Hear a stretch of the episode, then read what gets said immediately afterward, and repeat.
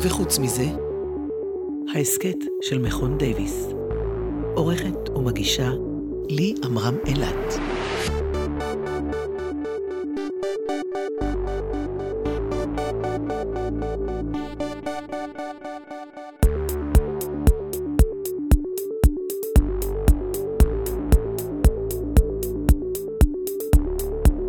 שלום לכם, תודה רבה שהצטרפתם לפרק השני בעונה השנייה של וחוץ מזה, הפעם פרק מיוחד לרגל היום הבינלאומי למאבק באלימות כלפי נשים. נשוחח עם דוקטור דבורה מנקין על אלימות כלפי נשים במרחב היחסים הבינלאומיים ועל הקשר שבין מגדר ומלחמה. נדבר עם כלת פרס ישראל על מפעל חיים, רות רזניק, שהקימה את עמותת לא ל"א, ראשי תיבות של לחימה באלימות נגד נשים וגם מקלטים לנשים מוכות ברחבי הארץ, ונדבר גם עם פרופסור מוחמד חאג' יחיא, שירחיב על אופני טיפול של עבודה סוציאלית באלימות כלפי נשים, גם בחברות אינדיבידואליסטיות וגם בחברות קולקטיביסטיות. אבל לפני הכל, נשמע מדוקטור טל ניצן, המנהלת האקדמית של פורום סופי דייוויס לחקר מגדר, סכסוכים ויישובם במכון דייוויס, על משמעותו של היום הבינלאומי למיגור אלימות כלפי נשים.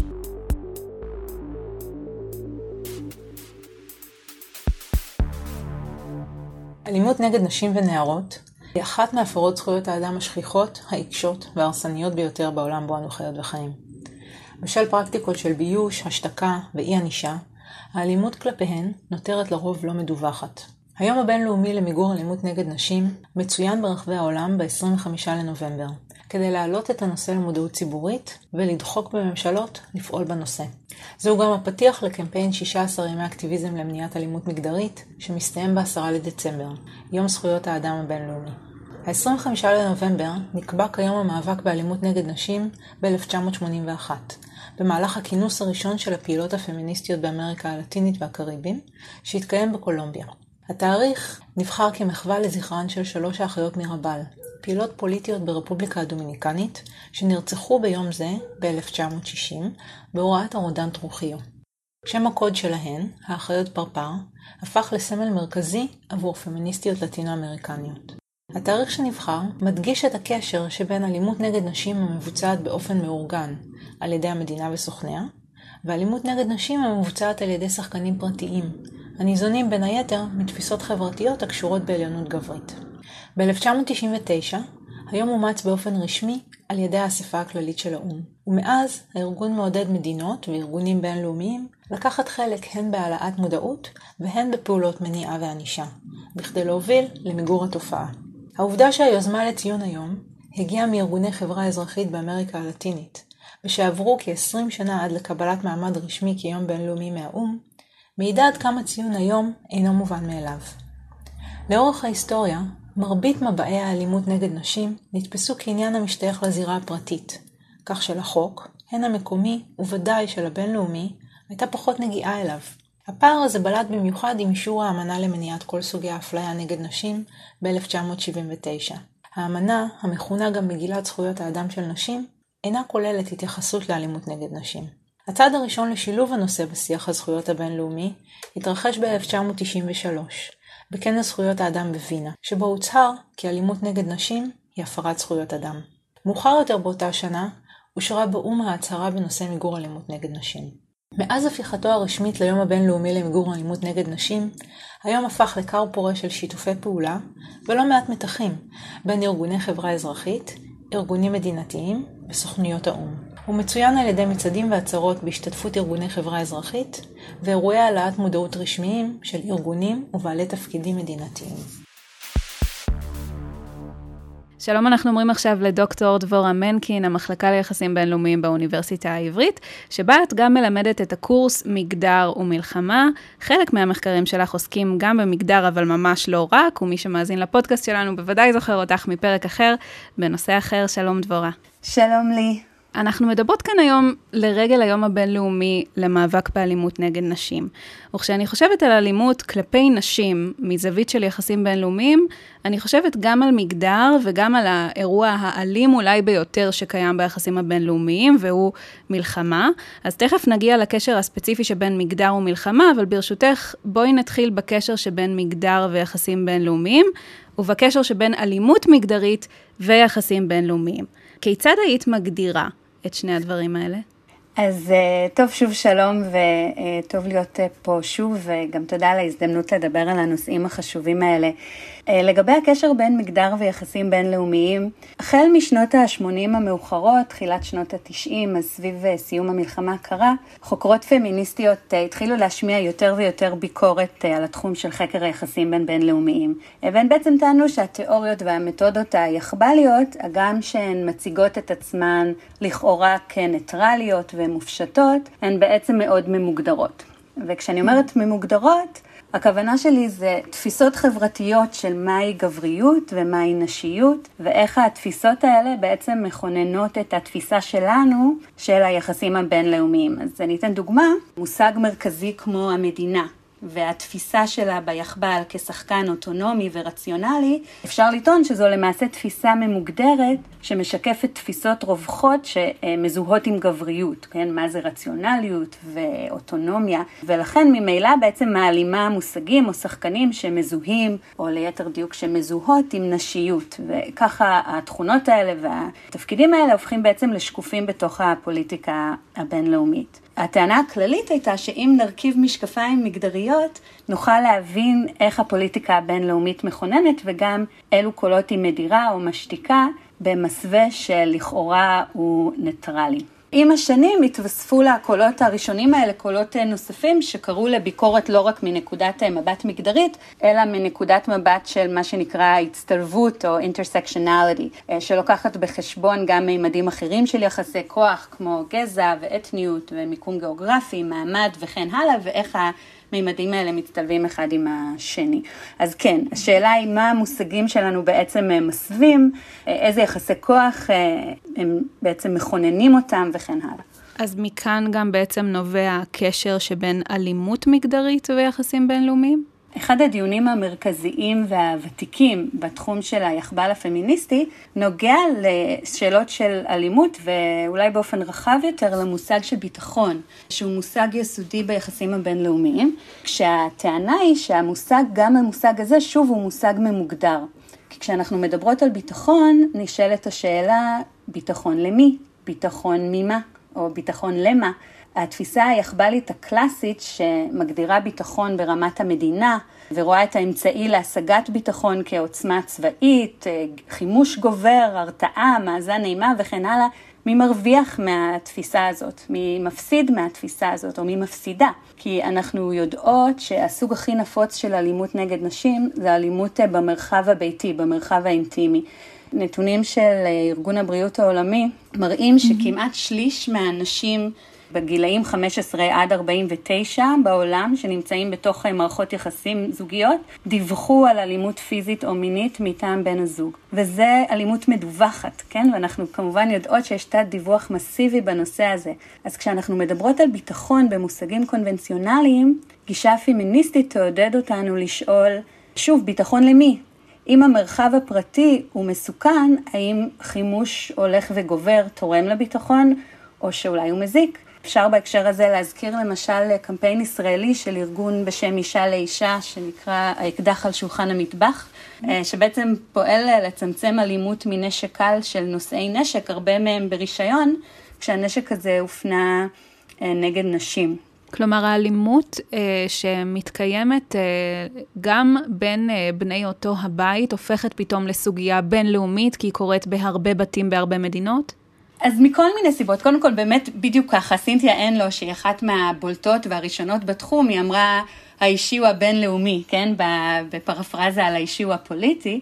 בעצם המשקפיים המגדריות האלה שהזכרתי, מראים לנו איך נוצרות היררכיות בנושא ביטחון. אילו בעיות ביטחוניות נתפסות כרציניות וחשובות כביכול, ודורשים מעורבות של מנהיגים ודיונים בינלאומיים, ואלה הן נחשבות פחות, הן לא בעיות ביטחוניות. עכשיו, כשאת שואלת איך אלימות כזאת יכולה להפוך לסוגיה בינלאומית, אז אפשר לחשוב על כמה דרכים, ובאמת יש גישות שונות במחקר. אז גישה אחת מבקשת uh, לבדוק אם יש קשר אמפירי בין יחס לנשים בתוך מדינה, או אי שוויון במדינה, לבין מעורבות של המדינה במלחמות. ממש לראות אם קיים קשר כזה. ויש אה, היום כבר המון מחקרים שמצאו מתאם בין אה, אי שוויון בתוך המדינה, אי שוויון כלפי נשים, לבין מעורבות במלחמות, בסכסוכים מסוגים שונים. ואסכולה אחרת, שבעצם עם זה התחלתי, שהיא שייכת לזרמים ביקורתיים יותר, היא מבקשת לערער על עצם הבינאריות של התפיסה הקונבנציונלית, שמפרידה בין מלחמה כעולם של אי ביטחון, לשלום כעולם של ביטחון. כי כשיש שלום לא תמיד יש לנו ביטחון. בדיוק. או בין הפוליטי לבין הביתי. כן, הפוליטי זה המקום עם הדרמה והאלימות, והביתי זה המקום המוגן. או בין המלחמה לבין היומיום, האלימות היומיומית לבין האלימות של המלחמה. הטענה היא שהבינאריות הזאת היא ממוגדרת, וככזו היא בעצם מפחיתה בחשיבות של אלימות אה, נגד נשים, היא בעצם מנרמלת את האלימות הזאת, והיא הופכת אותה לשקופה. כי היא יומיומית, כי היא קורית בזמן שלום, כי היא קורית במרחב הפרטי. אה, והגישות האלה, הביקורתיות, מנסות לערער על הבינאריות הזאת למשל באמצעות חשיפת מבנים של חוסר ביטחון בתוך זמנים של כביכול שלום. אה, או אגב לחלופין, גם באמצעות אה, חשיפה של מבנים כביכול ביטחוניים ואיך הם יכולים להסוות אי ביטחון עמוק. למשל האופן שבו גברים ונערים נפגעים מהלוחמה או במלחמה, שגם זו בעצם אלימות שהיא מנורמלת ושקופה. אז תכף אה, נגיע לעסוק קצת אה, יותר אה, במלחמה ובקונפליקטים בפני עצמם ובתפקיד של מגדר בתוכם, אבל לפני כן, הזכרת הגדרות, נשים, גברים, מגדר. אם אני חושבת על זה בצורה קצת יותר רחבה, את בעצם מדברת כאן על מסגור מסוים שאנחנו מעניקים לנושאים מסוימים. אז אם אני אגיד לך על מישהו, איזה גבר הוא, למרות שאני תמיד נוהגת גם להגיד אחר כך, וואי, איזה אישה היא בשביל השוויון, כנראה שתבין. תביני מה הסאבטקסט של המשפט הזה. אז האם המסגור הזה של תכונות מסוימות, קטלוגים לתפקידים מסוימים, הוא בפני עצמו משחק תפקיד ביחסים הבינלאומיים, או בקונפליקטים, או במלחמות? בטח. כמו שאת אומרת, אה, כשאומרים על מישהו איזה גבר או גבר גבר, כן, או לחלופין, אגב, לא אומרים אה, איזו אישה, אבל כן את יכולה לשמוע איזה נקבה, או עוד כל מיני מילים שאני לא רוצה להגיד אה, בפודקאסט, כשאנחנו אומרים משפטים כאלה, אז בעצם אנחנו מסתמכים וגם משעתקים אה, תפיסות מגדריות בינאריות שמוטמעות מאוד עמוק בחברה שלנו, ובכלל, זאת אומרת, זה לא, זה לא עניין מקומי, כן? לגבי מה זה גבריות ומה זה נשיות. אחת הטענות בספרות זה שהנורמות האלה שמזהות גבריות עם תכונות כמו חוזק פיזי, אומץ, דיכוי רגשי, כן, mm-hmm. שאין לגיטימציה לבכות או להראות אה, שאתה פוחד, אה, נכונות להסתכן ולהקריב את עצמך, mm-hmm. בעוד שנשיות מזוהה עם רוך ועדינות וטיפוליות וכן הלאה, בעצם ההבניות הבינאריות האלה הן משמשות פונקציה מאוד בסיסית בחברה. והפונקציה הזאת היא בעצם להניע בני אדם, או ספציפית גברים, להתגייס למלחמה. וכדאי לשים לב גם שההבניה הזאת דורשת הבניה נגדית. של ספירה מקבילה, שתדאג לחוזרים מהמלחמה ותיתן להם מקום שהוא אה, נקי ורך אה, להתנחם בו, מקום ששווה להילחם עליו. אז התפקידים המגדריים הבינאריים האלה, אה, שוב, במשקפיים מגדריות, בעצם מאפשרים ומנציחים את עולם המלחמה, זה מה שגורם למלחמה להתאפשר. אז זה מימד אחד של מה שזה עושה לנו כפרטים. ומימד אחר שאני אזכיר זה המימד של השיח הביטחוני והאופן שבו השיח ממוגדר. כשהטענה היא שהשיח הביטחוני זה שיח שמתאפיין במה שהתרבות שלנו רואה כגברי, ואז לשיח אחר אין מקום בעצם בחדר. עכשיו, אם נצא מהחדר אה, לשטח, או את יודעת מה, נשאר בחדר, אבל ניקח את זה לחדרי המבצעים. ברשותך, בואי נעבור לעסוק אה, באלימות מגדרית אה, ובתפקיד שהיא משחקת בעצמה אה, ביחסים אה, הבינלאומיים, איך היא באה לידי ביטוי אה, בקונפליקטים, במלחמות. אז באמת אי אפשר לדבר על הנושאים האלה בלי לדבר על אה, אלימות, אה, אפשר לדבר על אלימות נגד נשים במלחמה, ויותר ויותר היום אנחנו מדברות על אה, אלימות מבוססת מגדר, שזה gender-based violence, כי אפשר גם להיות לצורך העניין אלימים לגברים בגלל שהם גברים, ויש דוגמאות mm-hmm. לזה. נכון שבאמת יש המון המון עיסוק בשנים האחרונות, גם בעולמות של מדיניות, גם במחקר, באלימות מינית בזמן מלחמה. המחקר בתחום הזה מתפתח אה, מהר מאוד, והייתי אומרת שהוא הביא להרבה תובנות וגם לשבירת כל מיני מיתוסים אה, לגבי אלימות מינית במלחמה. ואני חושבת ש... הכי חשוב בהקשר הזה להזכיר את התובנה שמחקרים אמפיריים מוצאים שיש הרבה מאוד שונות באלימות מינית כשאנחנו מסתכלים על שחקנים שונים, מדינות, ארגונים לא מדינתיים, ארגונים לוחמים. יש ארגונים שמשתמשים באלימות מינית באופן מסיבי ויש כאלה שאצלם זה מאוד נדיר. עכשיו, יש מי שיטענו וטוענות, אולי בהמשך לכמה מהדברים שדיברנו עליהם קודם, שמלחמה היא פשוט השתקפות או העצמה של דפוסים של אלימות מינית בזמן שלום. אבל המחקר האמפירי לא מוצא ביסוס כל כך להנחה הזאת, כי הוא מוצא שיש דפוסים ספציפיים שמאפיינים אלימות מינית בזמן מלחמה. ולמה זה חשוב uh, להבין? כי ברגע שאנחנו רואים שיש מקומות שבהם אין אלימות מינית בזמן מלחמה, אפשר להסיק שזה לא דבר שהוא בלתי נמנע ואין מה לעשות, זה חלק מעולם המלחמה, אלא שיש מה לעשות ואפשר uh, לצמצם את האלימות הזאת גם אם uh, אי אפשר למנוע אותה לחלוטין. אז uh, מחקרים של חוקרות כמו אליזבת ווד או דרה כהן ואחרים, אחרות, הן אה, אה, שמות דגש גם על הנורמות המגדריות של הארגונים האלה, אבל לא פחות חשוב מכך על המוסדות הארגוניים שבעצם אה, אוכפים את הנורמות האלה, אם באמצעות הכשרה וחברות של לוחמים, אם באמצעות משמעת, אכיפה וענישה וכן הלאה. אבל הנקודה היא שאנחנו יכולים לזהות מנגנונים ארגוניים שונים שיכולים לצמצם אלימות מינית, ועם כמה שהנושא הזה הוא באמת אה, קשה ומדכא, משהו שאפשר לקחת מזה זה שאם אנחנו נזהה טוב יותר את המנגנונים, אולי נוכל לדעת איפה למקד מאמצי מדיניות. גם לצמצם אלימות כזאת לפני שהיא מתרחשת וגם לשפוט אותה בדיעבד, בחומרה, אחרי שהיא מתרחשת. ובאמת יש הרבה מאמצים בכיוון הזה, אבל הדרך עדיין מאוד מאוד ארוכה אה, למניעת אלימות מינית במלחמה ובכלל. דוקטור דבורה מנקין, תודה רבה לך על הרעיון הזה. תודה לך, לי. שלום רות רזניק, פמיניסטית, סופרת, משוררת, בעבר מתרגמת, לוחמת למען זכויות נשים, אוהבת אדם, מייסדת עמותת לא, לחימה באלימות נגד נשים, וכלת פרס ישראל על מפעל חיים. שלום לך, תודה רבה על הרעיון הזה. בוקר טוב, מה שלומך לי? אני בסדר גמור, שלומך? את רואה בעצמך, אני בסדר. אני שמחה לראות בעצמי. ברשותך, ניקח אותך הרבה שנים אחורה. רות הילדה, מתי התחלת להתחבר לפמיניזם? אני אה, ביליתי את חיי בין ירושלים לתל אביב, אבל בפרק הזמן שגרנו בפעם השנייה בירושלים, למדתי בבית ספר אבלינה דה רוטשילד, שהוא בית ספר דו-לשוני, דתי על גבול החרדי, וכמובן למדתי והתפללתי כל יום עם כל הנשים, ומאוד הרגיז אותי כל בוקר לברך, ברוך שעשני כרצונו, ולדעת שהגברים אומרים, ברוך שלא עשני אישה. אבל מה שחשוב היה להגיד זה שאני גדלתי בבית דובר אנגלית, וכשהלכתי לבית ספר אבלינה דה רוטשילד, אני גיליתי מהר שיש שם שתי ספריות, ספרייה עברית וספרייה אנגלית.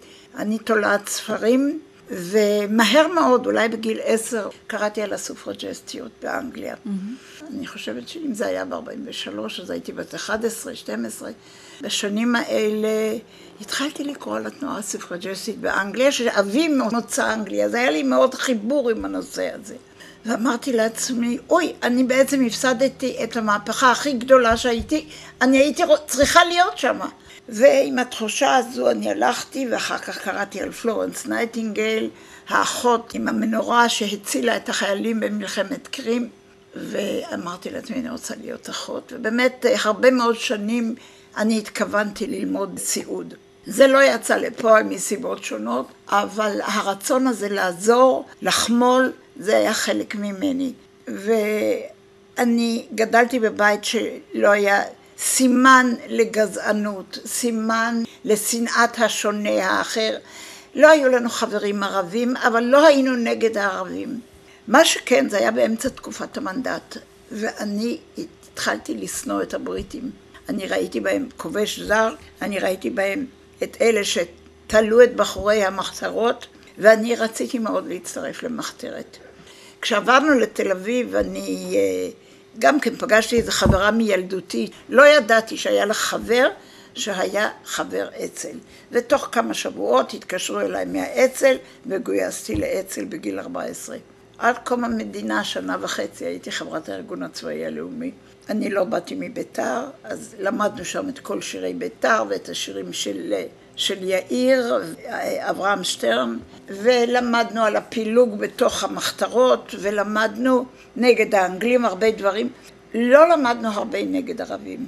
וכאשר פרצה מלחמת העצמאות, היה לנו שוק מאוד גדול, לי, אני לא יודעת אם לאחרים, אבל לי הייתה, היה שוק גדול שהמלחמה היא כבר לא נגד הבריטים. הבריטים כבר עזבו ועדיין אנחנו נמצאים באמצע מלחמה. והעדפות שלך בסוף מתעלות שמאלה. יותר מאוחר, כשכבר הייתי אישה נשואה עם ילדים, אני התחלתי לקרוא ספרות באנגלית, כיוון ששלטתי באנגלית, התחלתי לקרוא ספרות פמיניסטית, מאוד דיבר אליי. ובשנת 72 הקמנו את התנועה הפמיניסטית. Mm-hmm. מרשה פרידמן הקימה בחיפה, אחר כך הקמנו קבוצה בתל אביב, והקימו גם בירושלים. והתחלנו לדבר על מכלול נושאים שהעסיקו אותנו עם העלאת מודעות, אבל התברר לנו שמי שלא יודעת אנגלית, היא לא יכולה לקרוא ספרות פמיניסטית. ואיך ש... אתן הכרתן ביניכן באמת? אה, במקרה לגמרי, ואחת מהנשים אמרה, אני אתרגם ספרים לעברית.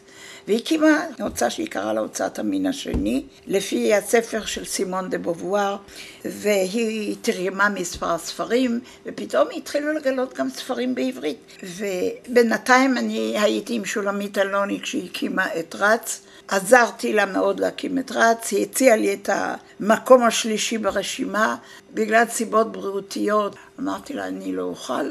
אז את מי את מציעה? היא שאלה אותי. אמרתי, את מרשה פרידמן. היא אמרה לי, אז תשכנעי אותה. שכנעתי את מרשה. והשאר שייך להיסטוריה. אז היא הפכה להיות חברת הכנסת הפמיניסטית הראשונה.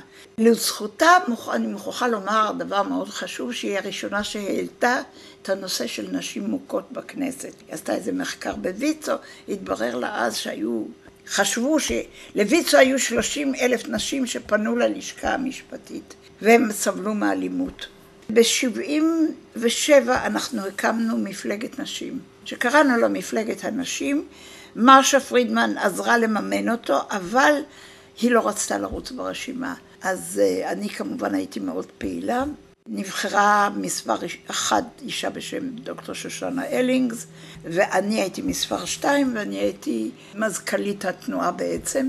היה לי אז משרד עצמאי להדפסות ותרגומים, סגרתי את המשרד, והתחלתי לעבוד אה, בתור המזכ"לית, ו... לא נכנסנו לכנסת. אבל הדבר החשוב במפלגת הנשים של 77 היה המצע שלה. היה מצע פמיניסטי מאוד רדיקלי, שהזכיר במבוא את כל הנשים שלחמו בישראל למען זכות נשים להצביע mm-hmm. ולהשתתף בהחלטות ובכנסת ולהיבחר לכנסת.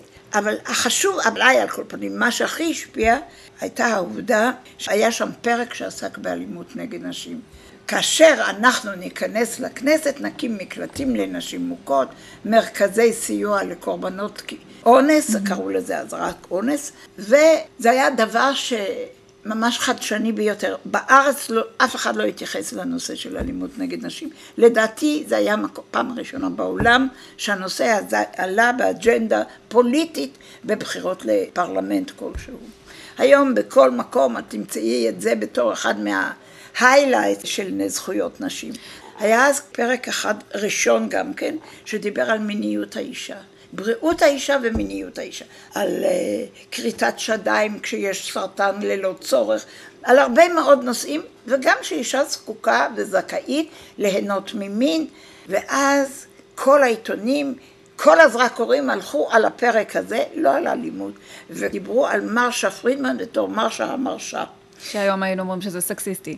היא מדברת על זה שלאישה יש זכות ליהנות מהגוף שיש לה, זה הכל. אז משלא נכנסתן לכנסת אה, ב-77, בעצם את מתעלת... אני חזרתי למשרד, ותוך חודשיים, מאז שאנחנו הלכנו לבחירות, היה מקרה רצח. והרוצח, ששמו היה איזדמיר, רצח את אשתו, היכה אותה עד מוות. ואני ממש התחרפנתי מהדבר הזה, ומאוד הכעיס אותי, והחלטתי שאני הולכת להקים עמותה שתיאבק בתופעה של אלימות. ואני הזמנתי מישהו מעוניין ומעוניינת שיפנו אליי. פניתי גם לכל חברותיי בתנועה הפמיניסטית וגם כל חברותיי ממפלגת הנשים. ב-17 לספטמבר 77 אצלי במשרד אנחנו עשינו את ישיבת ההתחלה שלנו קיבלו את החלטתי שצריך להקים עמותה, שבלי עמותה אי אפשר בכלל לגייס כספים, ובלי כספים אנחנו לא יכולות לפעול. וקראתן לעמותה? וקראנו לה לא לחימה באלימות נגד נשים. לא, כלומר ראשי תיבות. לא, כן, למד נקודה, א' נקודה.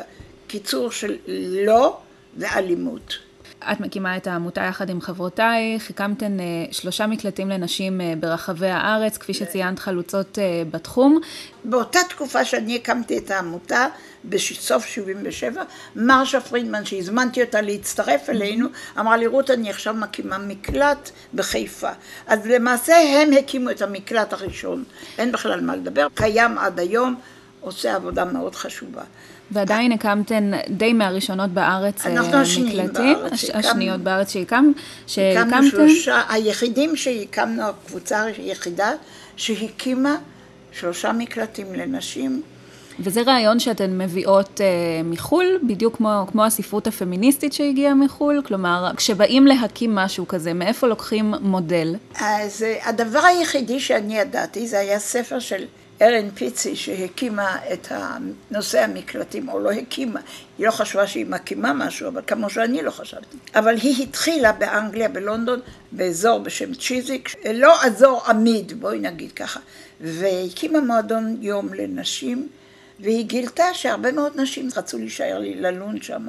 ואז היא כתבה כמה מאמרים, למזלן של נשים, היא אז הייתה נשואה לבחור שעבד ב-BBC, אז הוא פרסם את זה, והיא כתבה את הספר Scream quietly or the neighbors will hear, שפירושו בעברית, זעקי בשקט, לבל ישמעו זאת השכנים, או שמא ישמעו זאת השכנים.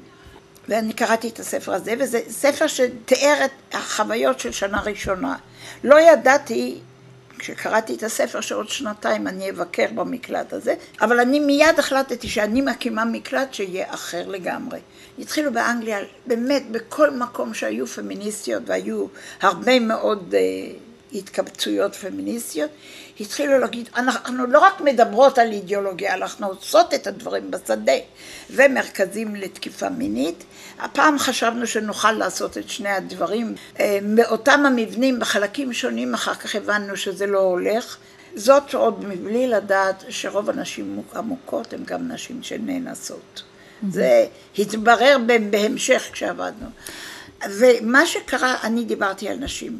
וברגע שפתחתי מקלט באפריל 78 בעזרת ראש עיריית הרצליה יוסף נבו, אני הבנתי תוך חודש, חודשיים שזה לא רק הנשים, זה גם הילדים.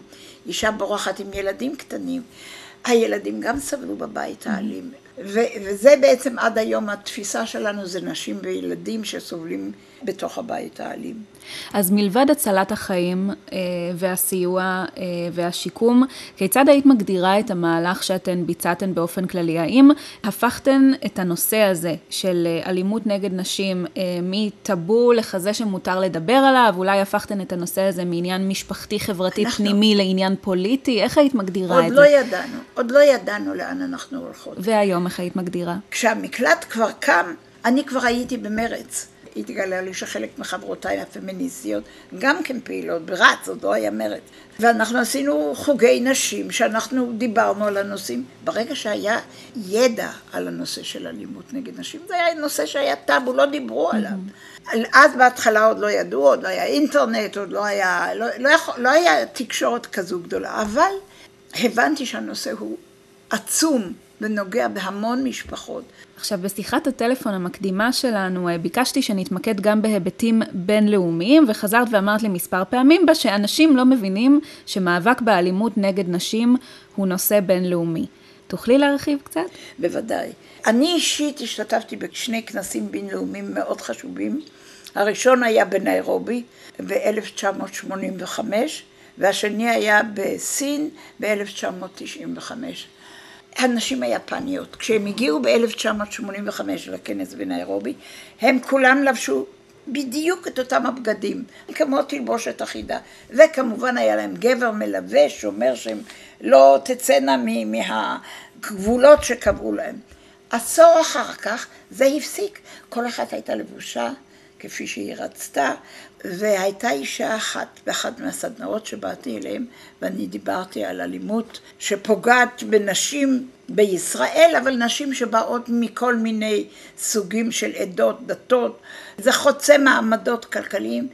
והיא התחילה להתייפח והיא באה אליי וחיבקה אותי. אני הבנתי כל כך טוב שהיא אישה מוכה ואני מדברת עליה, והיא פתאום רואה שיש מענה. זה היה רגע מאוד מרגש. ובאנגלית יש ביטוי שאני מאוד אוהבת. אלמלא חסדו של האל, זו הייתי אני. באנגלית אומרים, there but for the grace of God go I. הכנסים האלה העצימו מאוד, אנחנו למדנו על, על אה, ברית מילה לנשים בקניה, שזה נפוץ לגמרי בכפרים, ואז כמובן בכנסים אחרים תמיד אני יוצאת בכל מאבק נגד הנושא הזה. מעבר לכנסים שחברה אזרחית יכולה לעשות בצורה בינלאומית, מה מדינות יכולות לעשות בצורה אני בינלאומית? בדיוק בנושא זה יכולה לספר לך. לפני הרבה מאוד שנים פנו אלינו מההסתדרות הציונית, אה, מישהו שעסק עם עולי רוסיה, והתחיל להגיד, תשמעי, יש לנו כאן אישה שברחה מסרסור, מוכה וחבולה, והיא מוכרחה ממקום. ואמרתי, בסדר, אנחנו נקבל אותה. ואז התחלנו להבין שיש בעיה של אה, סחר בנשים. ותוך כמה, חצי שנה או משהו, התחלנו לקבל נשים, כיוון שהיו לנו שלושה מקלטים. קיבלנו במשך אה, שלוש שנים או ארבע שנים למעלה מארבעים נשים שהועסקו בזנות, הביאו אותם כל מיני, או פיתו אותם שיעבדו כמטפלות, או במלצריות, או בברים, וכל מיני דברים, אבל אלה לא נשים שעסקו קודם בזנות. Mm-hmm. וכפו את זה עליהם, ואני הזמנתי כמה חברות כנסת שידעו רוסית, ובמשך הזמן ראיתי שחלק היו בלי דרכונים, היו צריכות לחזור הביתה, לא היה להם דרכון, לא הייתה ויזה, לא כלום. ואז הזמנתי נציגים של השגרירות הרוסית והאוקראינית לבוא ולפגוש אותה. ואני מוכרחה להגיד, הנה, את דיברת יחסים בינם, כל כך עזרו לנשים הללו, הם סידרו את הכל, הם שהו אצלנו ארבעה, חמישה, שישה חודשים עד שהכל הסתדר, וחזרו רובם לארץ מולדתם ולעיר שלהם, והתחילו, בנו חיים חדשים. אבל מה שקרה זה שגם שם התחילה המודעות בנושא הזה. בינתיים הקומוניזם נהרס, וגופים אמריקאים התחילו לבדוק מה קורה בברית המועצות. והתברר שכלום לא היה בתחום הזה, לא עשו כלום. והתחילו לעזור בגיוס כספים, להקים מקלטים לנשים ומרכזי סיוע לתקיפה מינית. אני חושבת שזו נקודה מאוד מאוד חשובה, שבכוח של אנשים שהם חדורי אמונה מסוימת, חברתית, אפשר לשנות דברים. במהלך חייך נמנית עם אה, מייסדות הארגון גשר נשים לשלום, לקידום הדו-שיח אה, היהודי-ערבי, ואני רוצה לשאול, איך היית מתארת את הקשר שבין מגדר לבין שלום? זו שאלה מאוד טובה. אני, דווקא הדוגמה הזו היא נהדרת. האישה שהקימה את התנועה הזו בארץ, זו הייתה רות ליס מחיפה, אם שכולה, והיא רצתה הידברות בין נשים יהודיות וערביות, ואני פניתי לחברות שלי שהיו ממרץ, והצלחתי לגייס אותן לפעילות בתחום הזה, באזור המרכז. מאוד חיבבתי את רות, ואני אמרתי לה, רותי, תשמעי, אנחנו הולכים לשמאל, וזה לא רק עניין של השמאל, שיתוף פעולה בין נשים יהודי, יהודיות וערביות חייב להיות, לחלחל לתוך המפלגות האחרות. ואז דיברתי עם מישהי שהייתה בשם שרה דורון, הייתה חברת כנסת, אפילו הייתה שרה, היא הייתה בליברלי, או ציונים כללים או בליברלים.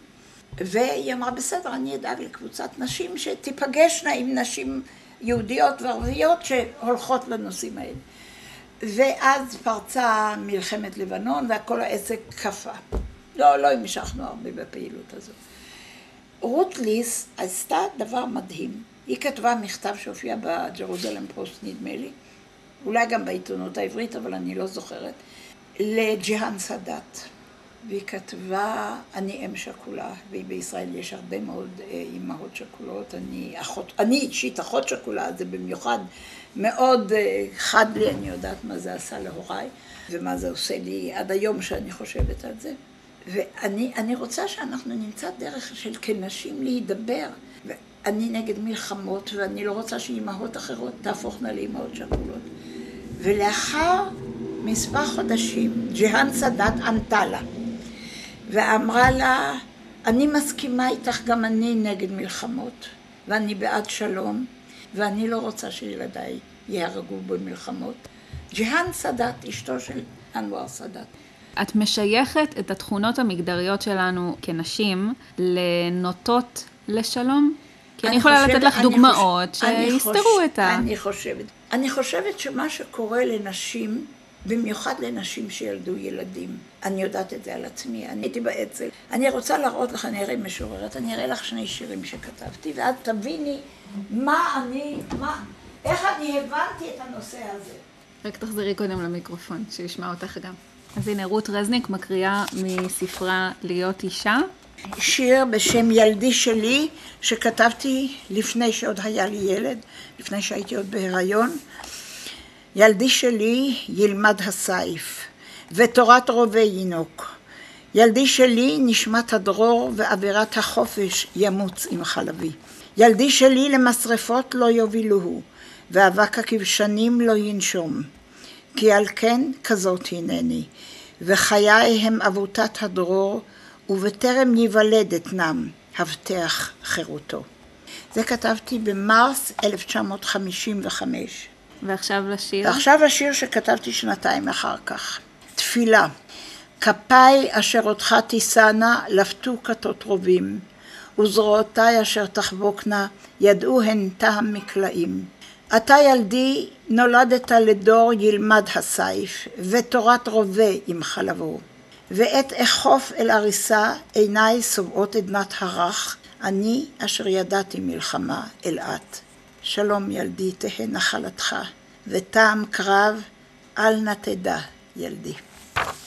וזה כבר אחרי שהפכת לאם? אז כבר היה לי תינוק בן שישה חודשים והייתי אחות שכולה. אחי היה נווט והטייס שבמטוס שלו, שניהם נהרגו ביחד.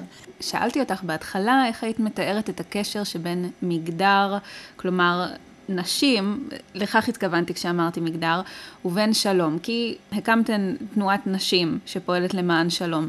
וכשאת מזכירה שכול, אז גם אבות שכולים קשה להם.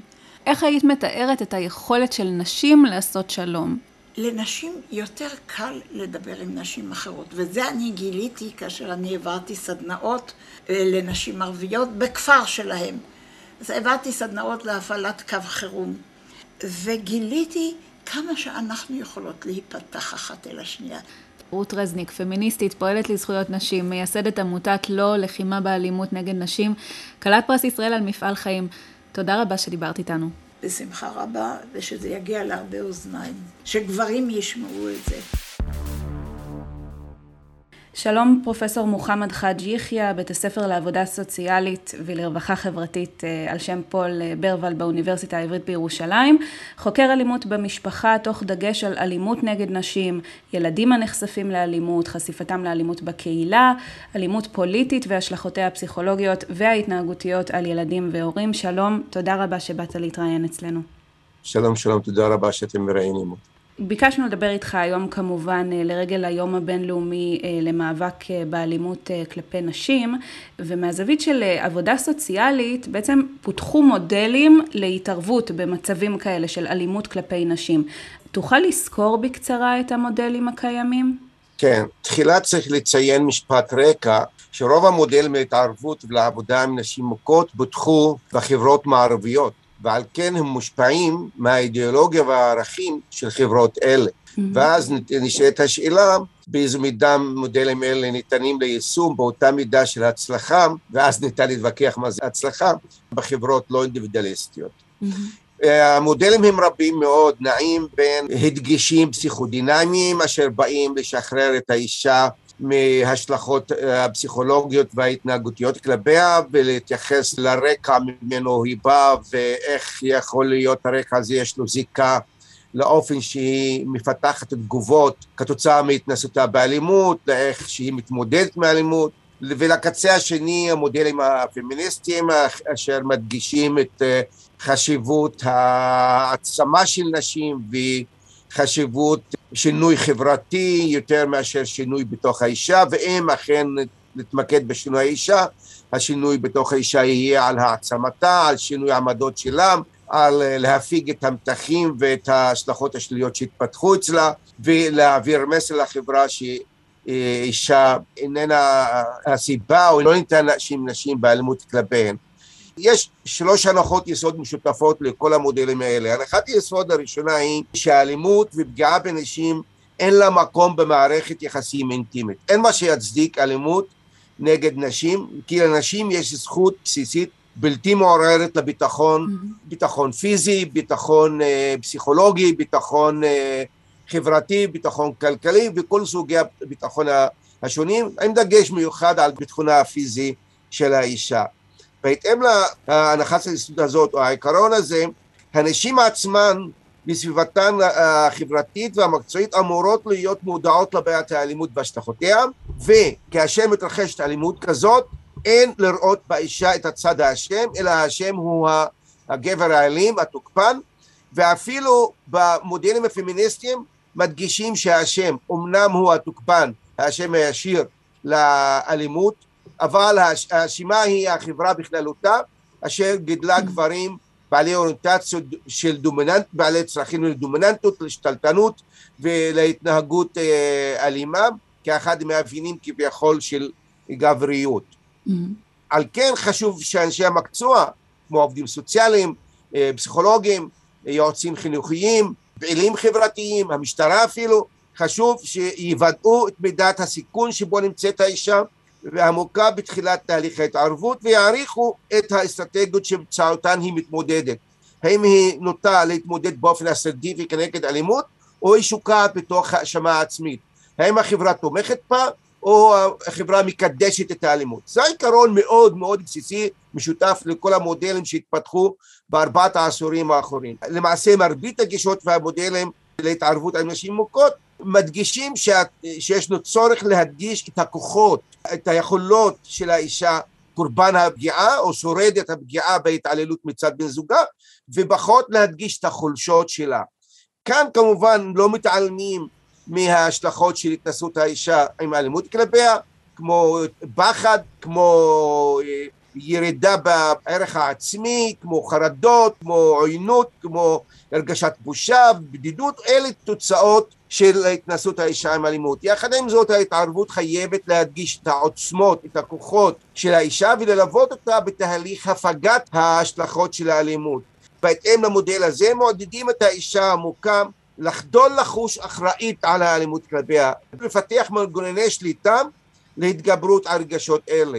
Mm-hmm. עיקרון שלישי ואחרון הוא שרציתי כאן להדגיש הוא לעזור לנשים להבין כיצד ההקשר, הקונטקסט המשפחתי החברתי שגדלו בו משחק תפקיד חשוב מאוד לצערי הרב בלגרום להן להיות מוכות.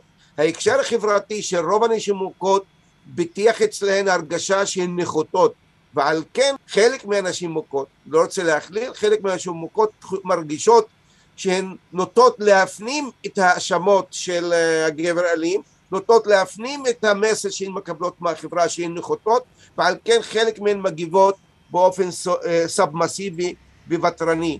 בא העיקרון השלישי להגיד, לא, חייבים לעמוד כנגד כל התחושות האלה שמתפתחות אצל האישה המוכה כתוצאה מתהליך הסוציאליזציה שעוברת בחברות פטריארכליות שמפתחות אצלה ערך עצמי נחות מול זה לחזק אצלה את הדימוי העצמי לחזק אצלה את הנכונות להתנגד לאלימות ולחזק אצלה את הנכונות לא לקבל את תהליך הקבלה אלא לשרוד את חייו ולפתח את תחושת השליטה על ההווה והעתיד שלה ולא לגרום לכך שהאלימות תימשך כלפיה. אלה שלושת העקרונות בגדול המשותפים לכלל המודלים שהתפתחו עד היום. ואמרת קודם אה, שרוב המודלים אה, התפתחו במערב, אבל שמצד שני הם גם אה, מדגישים את החשיבות של הסתכלות על החברה שממנה מגיעה אותה אישה ומגיע אותו תוקף שנוהג באלימות כלפיה. אז רציתי לשאול אותך בהקשר הזה שתי שאלות. האחת, האם לכך שהמודלים אה, פותחו במערב ישנה השפעה לחיוב או לשלילה אה, על טיפול בנשים שסובלות במצבים האלה בחברות שהן לאו דווקא מערביות? והשאלה השנייה, מה עושים בחברות שהן לאו דווקא מערביות מבחינת אלימות כלפי נשים ואיך באמת הטיפול קורה שם? האם זה מצליח לטפל בהקשר החברתי הזה? ברור שהערכים והעקרונות שציינתי לא תמיד קלים להפנמה ולקבלה בחברות קולקטיביסטיות. על מנת לענות על השאלה החשובה שלה, חשוב לשאול את עצמנו, מה זה חברות קולקטיביסטיות?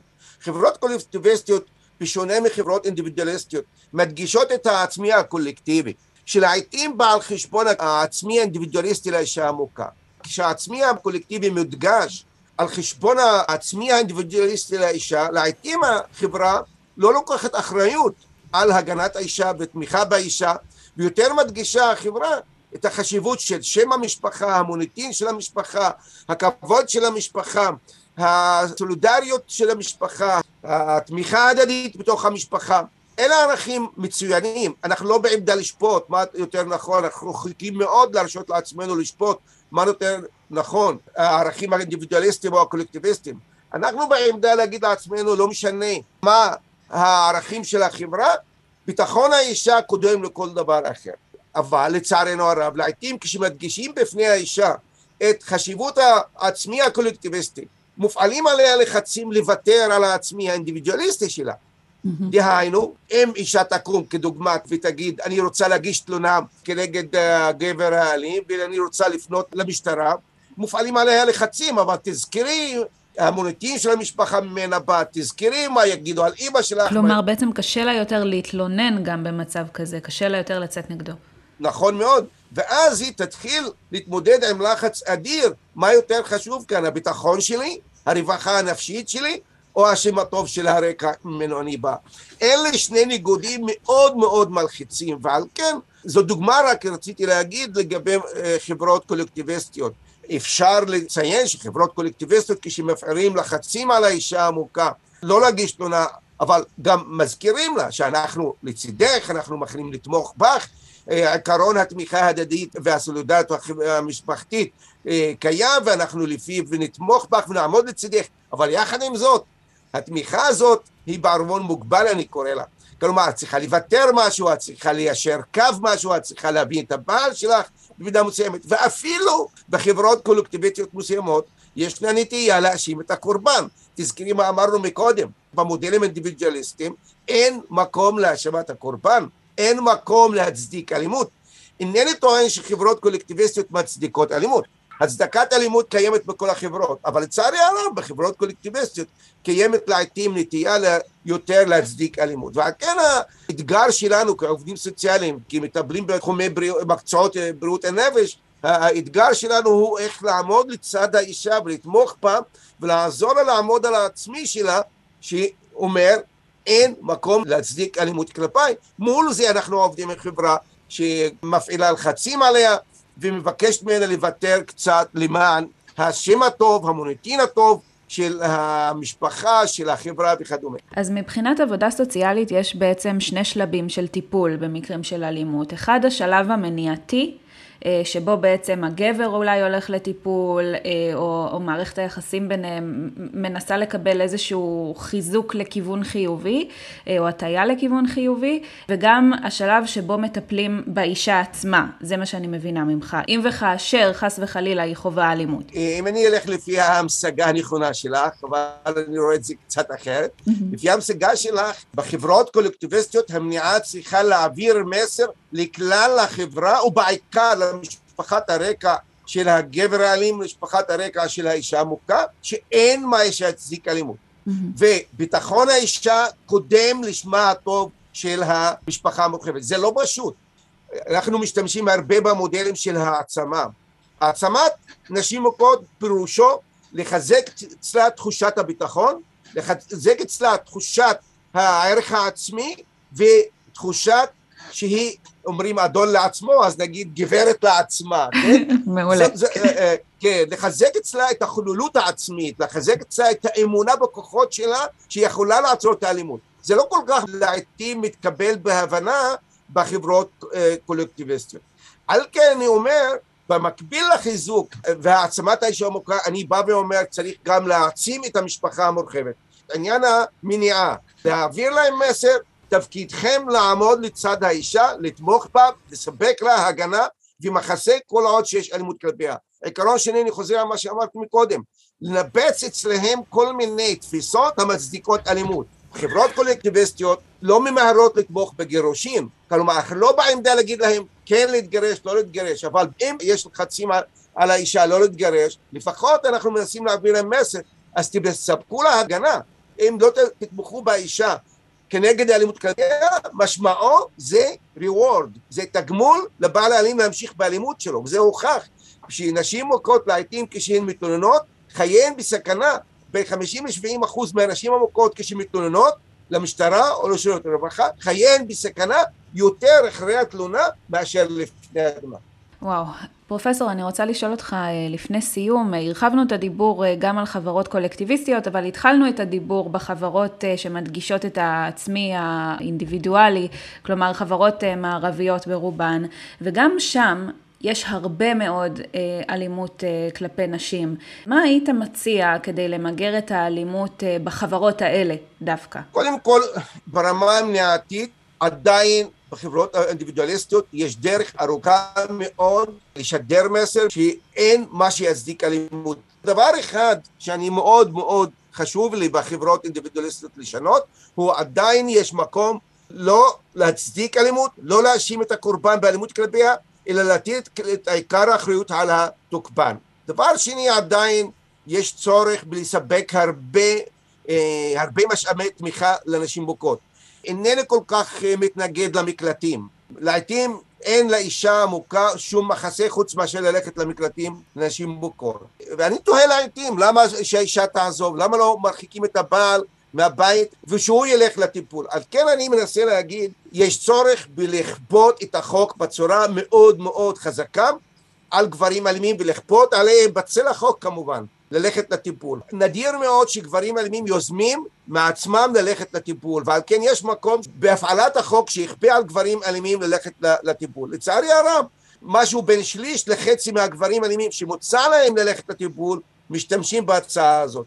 הרוב בין שני שליש לחצי מתנגדים ללכת לטיפול. יש בישראל קרוב, אם אני לא טועה, קרוב ל-120 מרכזים למניעת אלימות במשפחה. זה לא מספיק, זה טוב, ועדיין יש מקום להקמת ופריסת מרכזים למניעת אלימות במשפחה בכל הארץ, mm-hmm. בעיקר ביישובים נידחים.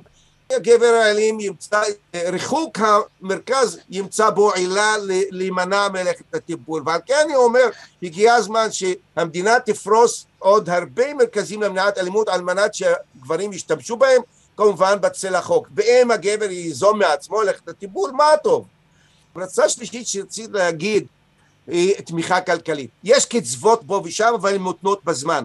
אני בא ואומר חייבים לתמוך כלכלית בנשים מוכות. הרבה פעמים נשים מוכות לא קמות ומתנגדות לאלימות כלפיהן כי הן לא חשות ביטחון כלכלי. אם היה להן עצמאות כלכלית אולי היו יוזמות להגיש תלונה במשטרה ועל כן היו מרגישות הרבה יותר נוח להשתחרר מכבלי הזוגיות האלימה. אינני טוען שהיא צריכה לפנות ליזום גירושין או לא, ההחלטה היא שלה, אבל אני רוצה להגיד, ברגע שיש גב כלכלי לאישה המוכה, הדרך בפניה להתמודד עם האלימות כנגדה הרבה יותר קלה יחסית, יחסית כאשר אין גב כלכלי. היום ב- ב- ב- ברוב מדינות העולם יש תמיכה כלכלית מותנית. מוקצבת בזמן, ואיננה מובטחת לכלל הנשים המוכות. ועל כן אני חושב שצריך לתמוך כלכלית בנשים מוכות. עוד רעיון שרציתי להגיד אותו, והוא קצת אולי אה, חלק מהמקשיבים לי יגידו שזו אוטופיה. אני חושב שהגיע הזמן לשנות את התפיסות המעוותות בחברות רבות, גם אינדיבידואליסטיות וגם אקטיביסטיות, לגבי מה זה אישה, מה זה גבר. גבריות בענייננו זה כוח פיזי, כוח כלכלי, השתלטנות ודומיננטיות, ונשיות עדיין נתפסת ותרנות, סאבמסיביות ואי עמידה על העצמי, זה מקדש את המעמד הגבוה כביכול שהחברה רוצה לתת לגברים אלימים, מקדש את המעמד הנחות שהחברה יוצרת בקרב נשים מוכות. זה מחזיר אותי על מה שאמרתי קודם. חלק מרכזי בעבודה עם נשים מוכות הוא להשאיר את המודעות שלה לרקע ממנו בא, אשר יצר אצלה תחושות של ביטח, אה, נחיתות. אם נשנה את התפיסות המעוותות, מה זה גבריות וגבר, מה זה נשיות ואישה, מה זה זוגיות שוויונית, אולי כאן נסלול תחילתה של דרך של אה, אי הצדקת אלימות גברים כלפי נשים. פרופסור מוחמד חאג' יחיא, בית הספר לעבודה סוציאלית ולרווחה חברתית על שם פול ברוולד באוניברסיטה העברית בירושלים, תודה רבה לך על הרעיון המאוד מאוד חשוב הזה. תודה רבה. ועכשיו לפינה החדשה שלנו שבה לכם ולכן, המאזינים והמאזינות, ישנו מקום לשאול שאלות בעקבות הפרק הקודם. זו השאלה שקיבלנו מהמאזינה יעל באשר לפרק הקודם שעסק בגרמניה שאחרי אנגלה מרקל. נשמע את השאלה ונשמע מיד אחריה את התשובה. שלום, שמי יעל, ורציתי לשאול את דוקטור סיון צדקיהו, מה היה הרציונל מאחורי ההחלטה של אנגלה מרקל לפתוח את גבולות גרמניה לגלי ההגירה מהמזרח התיכון, על אף הצפי לבקלש ציבורי, והיות המהלך הזה הפרה של חוקי שנגן. זאת כשמעמדו של האיחוד האירופי גם ככה במגמת התערערות. תודה יעל על השאלה. שאלת מה היה הרציונל להכרזה שלה, ואני שואלת, מי אמר שהיה רציונל? התגובה בגרמניה ובעולם הדהימה לדעתי גם את מרקל עצמה. אולי זו הייתה התבטאות שנובעת גם מרגש, ולא רק מחשיבה רציונלית בה מרקל ידועה? בניתוח שבדיעבד היו שדיברו על הרקע הדתי של מרקל, אולי אפשר גם להזכיר את המפגש שהיה לה ממש כמה שבועות לפני הצהרתה עם ילדים בבית ספר בגרמניה, בו היא הסבירה לילדה פליטה פלסטינית מלבנון, בת עשר, שהיא והמשפחה שלה ניצבו בפני גירוש מגרמניה, שהם לא יכולים להישאר בגרמניה. והיא אומרת, אם נאמר להם, כולם יכולים לבוא, אנחנו לא יכולים להתמודד עם זה. פוליטיקה לפעמים זה דבר קשה, אמרה מרקל, והילדה פרצה בבכי בשידור חי. הפרשה שודרה בערוצי התקשורת בגרמניה וברחבי העולם, ועוררה סערה ותגובות עזות כלפי מרקל. לצד הסברים לא רציונליים, ניתן גם לציין מחויבות של מרקל, של גרמניה, לערכים הומניים והומניטריים כלפי פליטים, כחלק מניגודיות לעבר הגרמני הנאצי במלחמת העולם השנייה ובשואה. קבלת פליטים אלו מהווה גם מימוש של ערכים אירופיים. כל מדינות האיחוד האירופי חתומות על אמנת הפליטים הבינלאומית. סיבה שנייה יכולה להיות כלכלית. קליטת הגירת צעירים במדינה שהיא מדלדלת מבחינה דמוגרפית, היא דבר נכון גם מבחינה כלכלית. זה אמנם לוקח זמן, לפעמים אפילו שני עשורים, אבל האנשים האלה בסוף נקלטים ומשרתים את הכלכלה. ההתנגדות באה מסיבות פוליטיות וחברתיות. אלה שמועסקים בצווארון כחול מפחדים על מקום העבודה שלהם מול מהגרים שמוכנים לעבוד בתנאים פחותים יותר. עוד דבר שכדאי לציין הוא שדעת הקהל בגרמניה באוגוסט חצויה לגבי גל המהגרים ששוטף את אירופה. יש תנועה די משמעותית של גרמנים וגרמניות שמתארגנים לדאוג לפליטים האלו שבאים חסרי כל.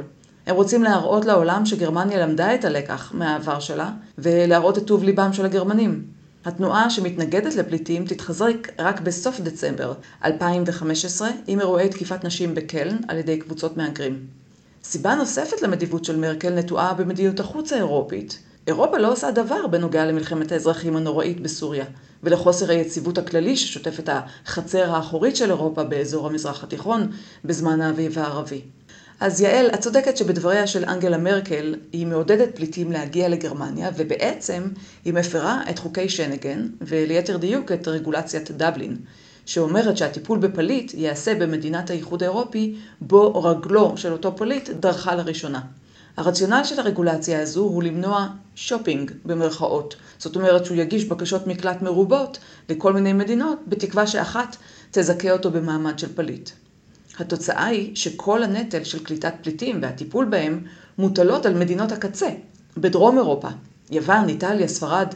אנגלה מרקל מילאה תפקיד של השוטר הקפדן ויש שיאמרו הרע כלפי יוון בסוגיה הזאת, ולא מחלה לה על חלק מחובותיה העצומים, והיא אילצה את יוון לאמץ מדיניות צנע קשה שפגעה ביוונים וביווניות. אולי יש כאן גם ניסיון להקל על יוון, מתוך הבנה של חוסר ההוגנות שרגולציית דבלין גורמת למדינות הקצה של האיחוד. לסיכום, אני לא בטוחה שאנגלה מרקל צפתה את התגובה לדברים שלה. תודה ליעל על השאלה ולדוקטור מאיה סיון צדקיהו על התשובה. אם יש לכם שאלות בקשר לפרק הנוכחי שזה עתה שמענו באשר לאלימות כלפי נשים, אתם מוזמנים ומוזמנות להפנות אותן אלינו דרך עמוד הפייסבוק שלנו, The Leonard Davis Institute for International Relations, בהקלטה קולית למסנג'ר, ואולי השאלה שלכם תושמע בפרק הבא ואף תקבלו תשובה. וחוץ מזה, ההסכת של מכון דייוויס. עורכת ומגישה לי עמרם אילת.